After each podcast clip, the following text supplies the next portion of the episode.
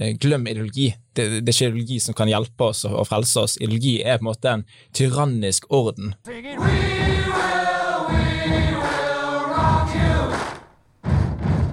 Mye av perspektivet på Jordan Peterson er at han treffer et vakuum. Og jeg tror at vi lever i en tid av et veldig vakuum eh, etter den kristne tro i Vesten.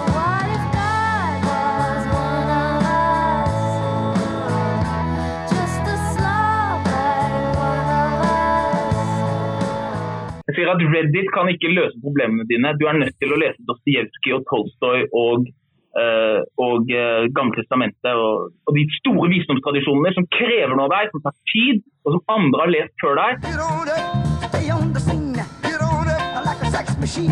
Og metoo var vel mest av alt et uttrykk for at vi ikke likte at rammene ble oppløst. Vi ville jo faktisk ha noen rammer.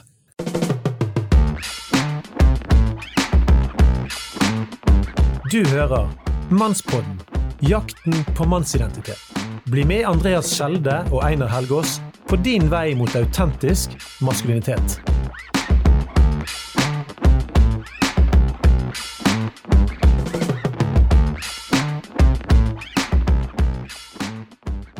Ja, velkommen til en ny episode av Mannspodden, og vi fortsetter temarekken Jordan Peterson. Dette er da andre episoden i vår serie, og jeg har som vanlig med meg Einar Helgaas, og dette er selvfølgelig et samarbeid med omgud.net. Helt riktig.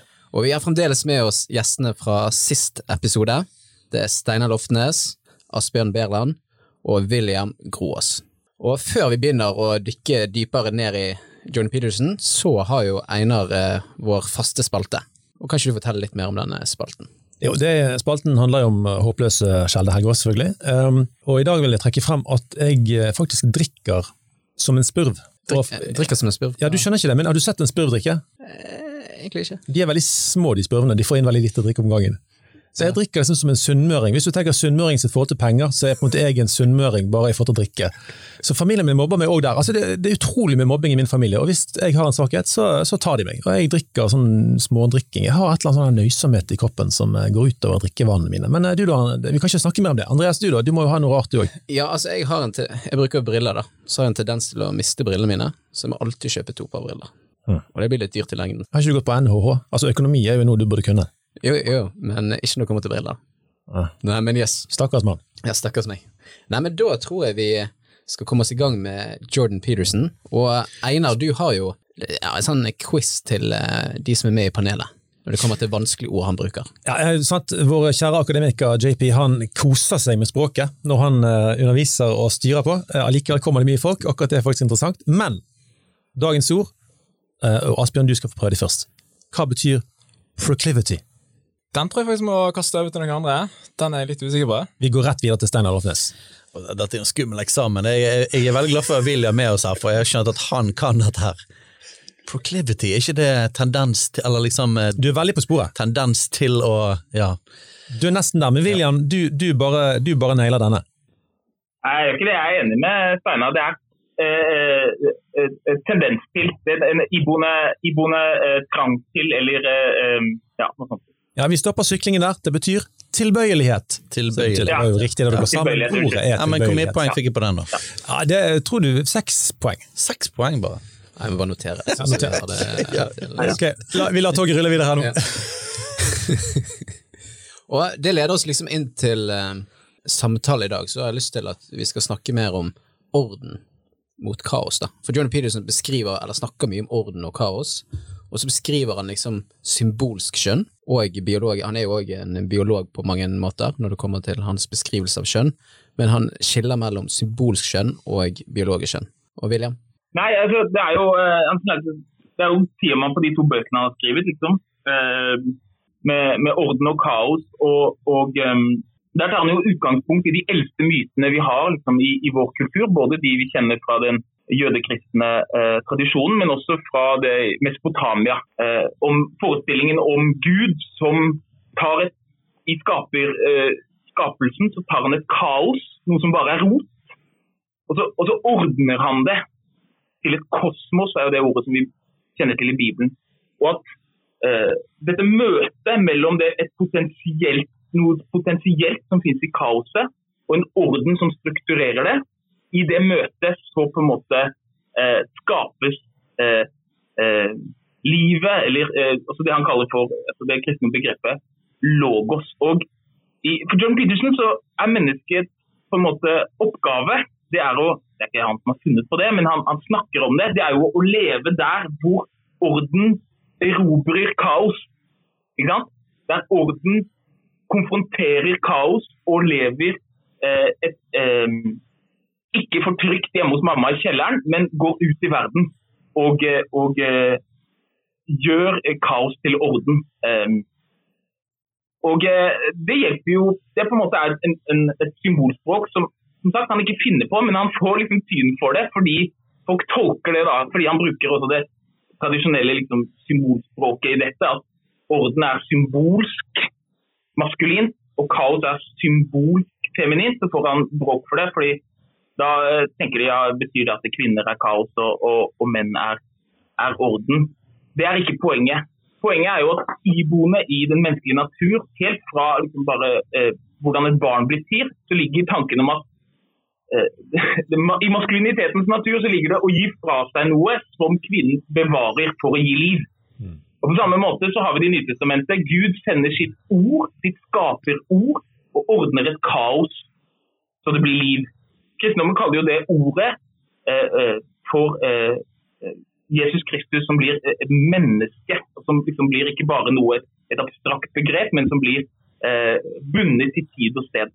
Kan du gjerne skyte inn at når vi snakker om orden og kaos, så kan noen fort tenke at orden er bra, kaos er negativt.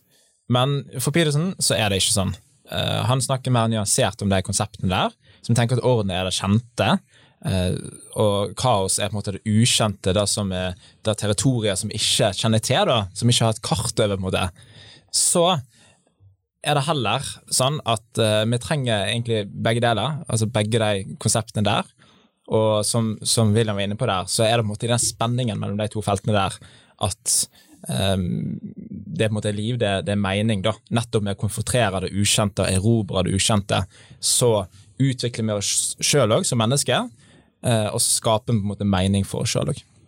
Jeg, jeg, har ikke lyst til å tas vekk fra den dype greien der, men veldig fristet til å kaste inn enda en misforståelse av Jordan Peterson, eh, som nettopp handler om denne her balansen mellom orden og kaos. Han snakker jo, han blir plassert eh, godt ut på høyresiden noen ganger som alt-right og høyreekstrem, og nå i forrige måned så kom han jo til og med Captain America eh, bladet, da, og, ble, og var portrettert som Red Skull, eh, supernazi. Eh, og det er en veldig misforståelse av han, for til og med i det politiske landskapet så snakker han om dette med orden og kaos, og han snakker om venstresiden som på en måte representerer mer av kaoset, eller oppløsing av ting, og eh, mens høyresiden som mer som orden, og han snakker om at livet og det sunne ligger jo i balansen mellom disse tingene. Han er jo på ingen måte en sånn herre alt skal være orden, alt skal være høyreside-greie, men han snakker om balansen mellom de to. Bør han stemme et sentrumsparti da, tror du? Jeg vil definitivt si at han er moderat høyre mot sentrum eh, politisk. Og nettopp dette med orden og kaos, det begynner jo ut fra hans oppvekst, ungdomstid òg. Eh, han levde under den kalde krigen, og han var helt besatt av den kalde krigen som et tema òg. Det, det prega hele livet hans eh, en del år. Eh, han var, han var så oppsatt på det. Og nettopp det er litt av poenget med disse totalitære ideologiene. altså Han sier jo på en måte glem ideologi. Det, det, er ikke ideologi som kan hjelpe oss og frelse oss. Ideologi er på en måte en tyrannisk orden, der vi ser at orden blir, blir, at det blir altfor mye det Misbrukt, altså? Mm, det blir altfor mye av orden. En har ikke frihet, en har ikke eh, mulighet for folk til å, til å måtte utfolde seg, være kreative, nye ideer osv. Er ikke han en ideolog? Han, han sier jo konsekvent at han ikke er ideologi. I den siste boken så er det 'abandon ideology' er liksom en av punktene hans. Og eh, Mange vil jo tenke at ja, men har ikke du selv en ideologi, har ikke du en forklaringsmodell på samfunnet, men han, måten han definerer ideologi, er som at du har på en måte bare én akse. Eh, du har en forenklet forklaringsmodell som kan stemme på akkurat det området, men problemet er at det tar vekk mange andre sider av virkeligheten. Eh, så han sier at gå vekk fra ideologi, for det er en for enkel forklaringsmodell. Eh, og han sier det at ta heller inn mange andre elementer, og det er det vi opplever at han gjør. Han er jo ikke hovedsakelig politisk, han er ikke en ideolog fordi at han tar med psykologien, han tar med de store narrativene, han tar med, eh, sant? han, tar med sjelen, han tar med eh, åndeverdenen, han, tar med, altså, han går mye dypere enn det. Kan jeg få skyte inn raskt der at Det er jo en advarsel til oss også. at også Jordan Peterson, hvis vi eh, misbruker eh, de konseptene han løfter for oss og hjelper oss å tolke oss med, så kan jo han bli ideologi. Det er jo ikke poenget. Ja, Det er sånn vi skal forstå det. Der har vi liksom kategoriene til å forstå Bibelen eller til å forstå de eh, mytene. Eh, og, det, og, det, er jo en risiko alltid når man møter tenkere som hjelper en til å, å, å, å utvide ens perspektiver. At de blir eh, eh totaliserende for ens egen, eget liv. Og, og, jeg tror ikke Jordan Peterson på en måte har som mål at vi skal bli Jordan Peterson-ianere. Eh, eh, det tror jeg ikke. Det er nettopp det han advarer mot. Han, han, er opptatt av at vi skal lese klassikerne i den vestlige tradisjonen og tenke grundig gjennom hva det er å være menneske. Og la den visdommen som er opparbeidet seg i vår kultur gjennom historier og eventyr og religiøse uttrykk, veilede oss moderne mennesker til å finne mening i livet. Ja, og det, det leder oss til den uh, siste episoden vi hadde. Da snakket vi mye om dette her med å ha regler og ha noen bestemte mål å gå mot. da. Uh, men er ikke da ideologi bra for mennesker? For de får noe de kjemper for. Altså, hvordan skal man balansere ideologien med å finne et bra mål for samfunnet? Eller for seg sjøl, først og fremst. da. Et viktig poeng for Peterson er i hvert fall at uh en må være mer fokusert på å prøve å forandre seg sjøl enn å prøve å forandre andre mennesker. Eh, sånn at uh, Tidligere så var han en uh, ihugga sosialist, uh, men så endra han uh, synspunktet òg, mye fordi at han opplevde at mange av de sosialistene han var med, i hvert fall, var veldig opptatt av å forandre alle andre og kritisere alle som var rike, f.eks men det var ikke opptatt av å eh, ta ansvaret sitt eget liv. da. Det var det han savna. Så jeg tror hans fokus ofte er mer på individnivå enn på samfunnsnivå. da. Karakterbygging heller enn samfunnsforandring som nummer én? Ja, og, og samfunnsforandring gjennom karakterbygging ofte. Nettopp, ja. Det er jo nydelig kombinasjon. Ja. Nei, jeg, jeg, tenker på en jeg, Flere ganger når, når Jordan Peterson snakker om dette med personlig ansvar, i forhold til å forandre verden, så eh, morsomt nok så tenker jeg på en Michael Jackson-sang. The Man in the Mirror. Ja, ja. Eh, det er noe med, sant? Det er en veldig sterk del av budskapet hans. Ta først ansvar i ditt eget liv. Og så sier han ikke det, derfor, og da skal du ikke gjøre noen ting i samfunnet, men, men begynn der. Eh, fordi at kampen mellom det onde og det gode går først og fremst i vår egen sjel, i vårt eget liv. Og det er der vi må på en måte ta opp kampen og først når vi har det noenlunde eh, under kontroll, kan vi virkelig gjøre en forskjell i samfunnet. William? Ja, og i dette med liksom, det å ikke ha ideologi, da, til å følge opp det Andreas sa, det betyr ikke å ikke ha eh, teorier som jeg tolker verden med, men det betyr å ikke tro at eh, politikk dypest sett og ideologier kan løse verdens mest grunnleggende problem. Fordi verdens mest grunnleggende problem er noe som finnes i hjertet. Og Der eh, er det jo de lange røttene helt tilbake til Jesus som sier se, hvorfor ser du flisen i din brors øye og ikke bjelken i ditt eget? Eller når han sier um, gi keiseren det som keiseren er, og Gud det som Gud er. Uh, mennesket har hele tiden en hang til å tenke at når vi finner den rette måten å organisere livet på, så kan vi lage et himmel på jord basert på en, en struktur som, som, som vil løse alle problemene våre. Men eh, det er et forfeilet menneskesyn til 10 000 med eh, hele den kristne og eh, den vestlige eh, eh, tradisjon. Det er et forfeilet menneskesyn. Krigen står ikke dypest sett mellom oss, den står i vårt hjerte. Og Før jeg har innsett det, så vil jeg alltid bruke eh, min intellektuelt eller, intellekt eller, til å på en måte finne problemene der utenfor meg. Men det å, å, innse at jeg er en del av problemet, og jeg må gjøre det som eh, kristendommen taler, jeg må vende meg om jeg må ta ansvar og innse at mm. Eh, den beste måten å forandre verden, det er å forandre seg selv på. Ja, det er jo stilig. Han bruker jo Alexander i det Solitsjensin. Jeg er usikker, usikker på etternavnet. Dette med at eh, altså, skillelinjen mellom menneskene, det er ikke som der står geiten og der står sauene i to forskjellige flokker, men, eh, men som Steinar er inne på, eh, altså, skillelinjen går tvers gjennom menneskets hjerter. Vi har alle de gode og de onde i oss, og, og, og det må vel være derfor altså, disse menneskene da, som har det gode og onde i seg, hvis de jobber med seg sjøl, hvis de bestemmer seg for at i dag skal jeg gå ut min dør, og jeg skal bidra til at verden blir et bedre sted, så kan det skje. Men, men la oss ta det litt sånn dypere, for hvis hvert menneske skal jobbe med seg sjøl og ta ansvar for seg sjøl, så er det sånn at vi går gjennom mange forskjellige Altså forskjell, vi kommer fra forskjellige familier, vi har opplevd forskjellige ting, og da kan det være at vår forståelse og det å ta ansvar kan se ulikt ut. Og hvis alle skal tenke først på seg sjøl, mister vi ikke da helhetsbildet, da? Jo, men husk at uh, når han snakker om å tenke først på seg sjøl, så er det ikke det en egoistisk vinkel. Det er en karakterbyggende vinkel. Uh, og når du bygger karakter i ditt eget liv, uh, altså du, for eksempel da, som i, i, når jeg underviser om mannsidentitet, så er jeg veldig opptatt av å undervise om mot. Men ikke som en sånn koseting som du skal bruke bare for deg sjøl, at wow, så kul jeg var som var så modig som hoppet fra 15 meter ute i vannet, liksom. Men det handler om at hvis du er modig på dine egne vegne, så eh, blir du klar for å være modig på vegne av andre. Men hvis du ikke er modig sjøl, hvordan skal du klare å være modig for andre? Det er ikke litt, Skjønner du hva jeg mener? Ja. Ja, ja. Det er jo på en måte to menneskesyn da, som oppstår i, i, opplysningstiden, som på en måte blir to ytterpunkter. Som, og Den tradisjonen Petersen står i, den lever med, midt imellom. Du har Hobbes, som sier at mennesket er grunnleggende er liksom et, eh, et, et, et et, eh, krigisk dyr som hele tiden kjemper om å få mest mulig plass. Det er grunnleggende egoistisk. Og statens oppgave, og det eneste vi kan gjøre, det er å på en måte å forhandle mellom dette med maktmidler fra staten. På den andre siden så har du Rousseau som sier nei, mennesket er dypest sett godt. Det er bare samfunnet og kulturen som ødelegger oss. Hadde det ikke vært for alt disse dårlige samfunnet Og de, de, rike som undertrykker de fattige, og sånne ting, så hadde verden blitt et paradis. Og Midt imellom de to eh, avartene av menneskesyn, mennesket er iboende ond og mennesket er eh, iboende godt, så står Petersen i den tradisjonen som sier nei.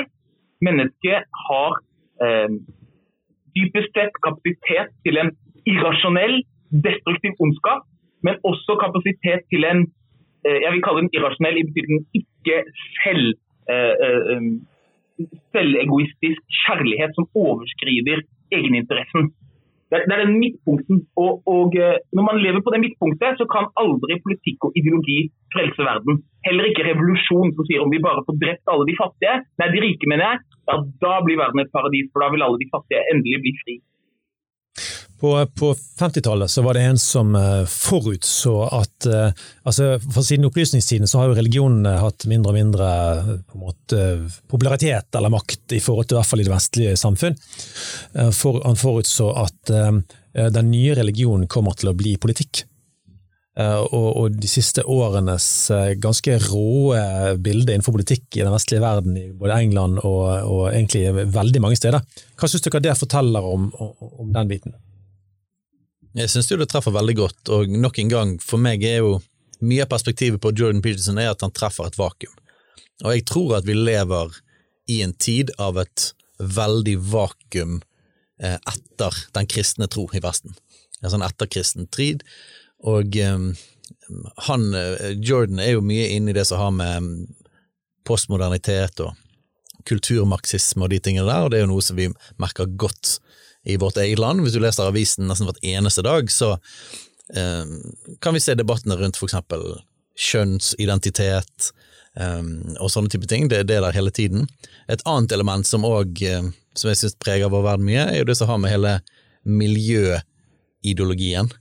Um, det er på en måte hele bildet av at verden er på vei til å gå under, og, og eh, vi trenger å redde verden gjennom miljø- eller klimagreier. Um, og jeg, jeg, tror virkelig at de to tingene der, som ofte henger sammen, det er blitt den nye religionen. Ja, og for å spille litt videre på det, så syns jeg sånn i media så har vi liksom disse reglene som er vi, vi, driter i regler, men så samtidig så fremmer vi for eksempel mer islam, da. At islam er veldig bra, og liksom sånn at det er viktig at vi tar vare på de verdiene som kommer inn, for eksempel i Vesten, gjennom innvandring og det ene og det andre. Så det er liksom sånn to ytterpunkter her. Det er jo en veldig inkonsekvens, vil jeg si. Sant? Mm. Postmodernismen, veldig vanskelig å forklare kort, men i korteste jeg kan si på, er jo oppløsning av rammer. Da. Eh, og postmodernismen sier på en måte det finnes ingen sannhet, det finnes ingen absolutter. Eh, og det på en måte er jo en slags grunnleggende sannhet i samfunnet vårt er at det ikke finnes noen sannhet. Samtidig så ser vi at det er ikke sånn det funker i det hele tatt. Eh, noen av de viktigste sannhetene nå er jo på en måte rasisme, for eksempel, eller eh, miljø, sånne type ting så det. Eh, og, så det, det fører jo til sånne rare, rare ting som at man heier på islam, som er jo helt i motsetning til en vestlig verdisyn, og samtidig så går man imot de verdiene som islam står for. Så det er jo en interessant tid vi lever i. Og metoo var vel mest av alt et uttrykk for at vi ikke likte at rammene ble oppløst. Vi ville jo faktisk ha noen rammer. Vi ville ikke at seksualiteten skulle uh, tolkes uh, veldig fritt. Uh, som òg er jo en, en altså Den responsen er en slags retur til en, en, si, en tilbakekomst til en mer klassisk tankegang om hva med å være trofast, eksempel. Måten jeg forstår det på, er jo at, er jo at vi, hvis vi forstår dette i lys av å være i en postkristen tid, så gir det mer mening. Eh, disse forskjellige ideologiene er ganske inkonsekvente, men det de er helt konsekvente på, det er at de er antikristne. Eh, så det på en måte handler veldig mye om å løse opp de kristne verdiene. Um, hvis det kommer fra andre kilder, så, så treffer det godt, men, men, folk har et behov for, for rammer likevel. Man må prøve gjerne å få det inn fra andre steder. Men dette tomrommet, har dere mer å si på å forklare hvordan det kan bli et tomrom som gjør at Pilesen kan reise verden rundt? Og Jeg tror ikke det har vært et eneste ledig sete i en kinosal på Jordan Pilesens turné. Det, det, ser rett og slett ikke for meg ut fra de rapportene jeg sitter på. Eh, og Hvordan kunne det være mulig? Altså Dette tomrommet eh, som, som, har blitt skapt når, når det tydeligvis ikke politikk funker som religion, eller som meningsskapende. William, vil du prøve deg? Et av problemene her er jo at vi eh, har en, en, kultur, en eh, akademisk kultur, som gjør at eh, mange mennesker blir veldig eksperter på sitt felt, men at vi ofte mangler den tradisjonelle som man kanskje hadde mer i artikken, det å være dannet menneske. En dannelse som kan, eh, kan opparbeide visdom ved å, å, å, føye sammen mange kunnskapstradisjoner. Og Det er jo litt av det Jordan Petersen gjør. Han føyer sammen mange kunnskapstradisjoner som gjør at han kan skape en helhet som eh, når utenfor sitt eget smale fagfelt.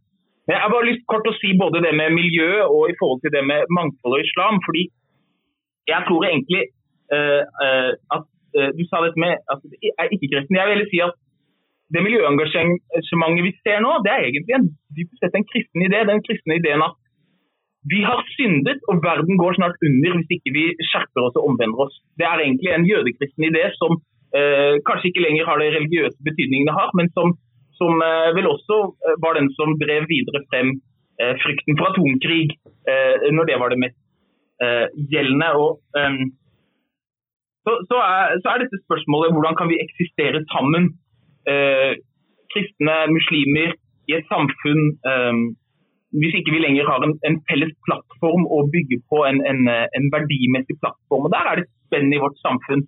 Um, men jeg, jeg, jeg, jeg, må si at jeg er nok ikke helt enig i at de fleste i dag heier på, uh, heier på uh, muslimer. Jeg tror nok heller man ønsker et, et, et, uh, et samfunn der man eh, hjelper de muslimene som fremmer en islam som passer i et liberalt demokrati, til å styrke den identiteten. Jeg må bare svare på det. Jeg tror ikke det at de fleste heier på islam men hvis du ser i media, man kan se faktisk de siste par dagene, så ser man det at eh, det er en veldig heiing på iallfall muslimsk kultur. Nå er det jo id og ramadan som har vært fokus. Noe som jeg syns er veldig positivt, men det er veldig påfallende at eh, jeg husker i påske nå, så letet jeg på Netflix, NRK, Viaplay, eh, overalt. Jeg lette etter en Jesusfilm, for jeg tenkte det at det kunne være bra å se med familien. Men det var eh, kjemisk grenset altså for Jesusfilmer på absolutt alle streamingkanaler, og på statskanalen NRK. Eh, mens mens når id kom, eller ramadan kom, så ser vi et enormt fokus på islam. Og jeg vet hva, jeg er ikke redd for det i det hele tatt, jeg synes det er veldig positivt med, for, å, å, få snakke om ramadan og id, men det, for meg er det ganske tydelig at det er en liksom, redsel for kristendommen, det handler om at vi er post, et postkristent samfunn. Um, og så er det på en måte veldig fokus på aksept og toleranse i forhold til islam. som jeg ikke har noen ting imot, men som er på en måte litt sånn påtagelig. da, eh, i forhold til at Det gir ikke på en måte mening, eh, ideologisk ikke det mening, i forhold til på en måte rammen eller de moralen som islam kommer med i forhold til kristendom. Eh, den andre tingen som du sa, jeg tror heller ikke, jeg, jeg er helt enig i at både miljøengasjementet, men òg antirasismen, og de fleste av disse her eh, tematikkene som er på en måte hva vi kalle politisk korrekt i dag. Jeg er jo helt enig i at de kommer fra et, et, et kristent verdensbilde, men klart det jeg svarte på der, handler på en måte at er vi i en tid der politikk er blitt ny religion, så vil jeg si det at ja, fordi at det er blitt Man lager en pakke av det, man lager en ideologi, en totalitet av det. Eh, elementene av det, sånn som menneskeverd, antirasisme, ta vare på jorden, det kommer absolutt fra kristendom. Men på en måte pakken som er lagd, eh, hele narrativet, er på en måte gjort til en slags ideologi eller religion, og den passer ikke helt overens med kristendom. Sant? Fordi eh, vi tror på at eh, ja, verden skal gå under, men vi tror at Jesus er svaret. Vi, vi, peker alltid tilbake til Jesus. Mens på mange måter er det på en måte Guds rike, eller ø, elementer av Guds rike, uten Jesus sjøl. Ja, sånn, Du har jo dette begrepet med at man gjerne vil ha the kingdom without the king. Altså dette som disse, eh, disse, sidene ved kristendom som har preget hele det vestlige samfunnet, og som er verdier vi alle har kjær, de kan man eh, lett like, men man liker kanskje ikke han som stiftet det hele. Men liker man da bedre Jordan Peterson? At han kan bli kongen? Jo, det er jo det vi spør oss om her. Er Jordan Peterson frelseren for den vestlige mannen?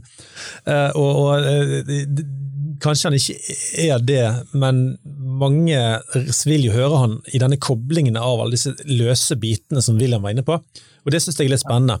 Det virker som at, det virker som at der, der, der enkeltpersoner representerer ideologier, der kommer han, og så flyr han nærmest som en slags ørn over det hele landskapet. og Så ser han med et ørneblikk, han plukker det gode fra den ene og den andre tradisjonen, og så fletter han sammen noe som da gir mening for mennesket, som er en meaning-making machine. Vi kan ikke leve uten mening.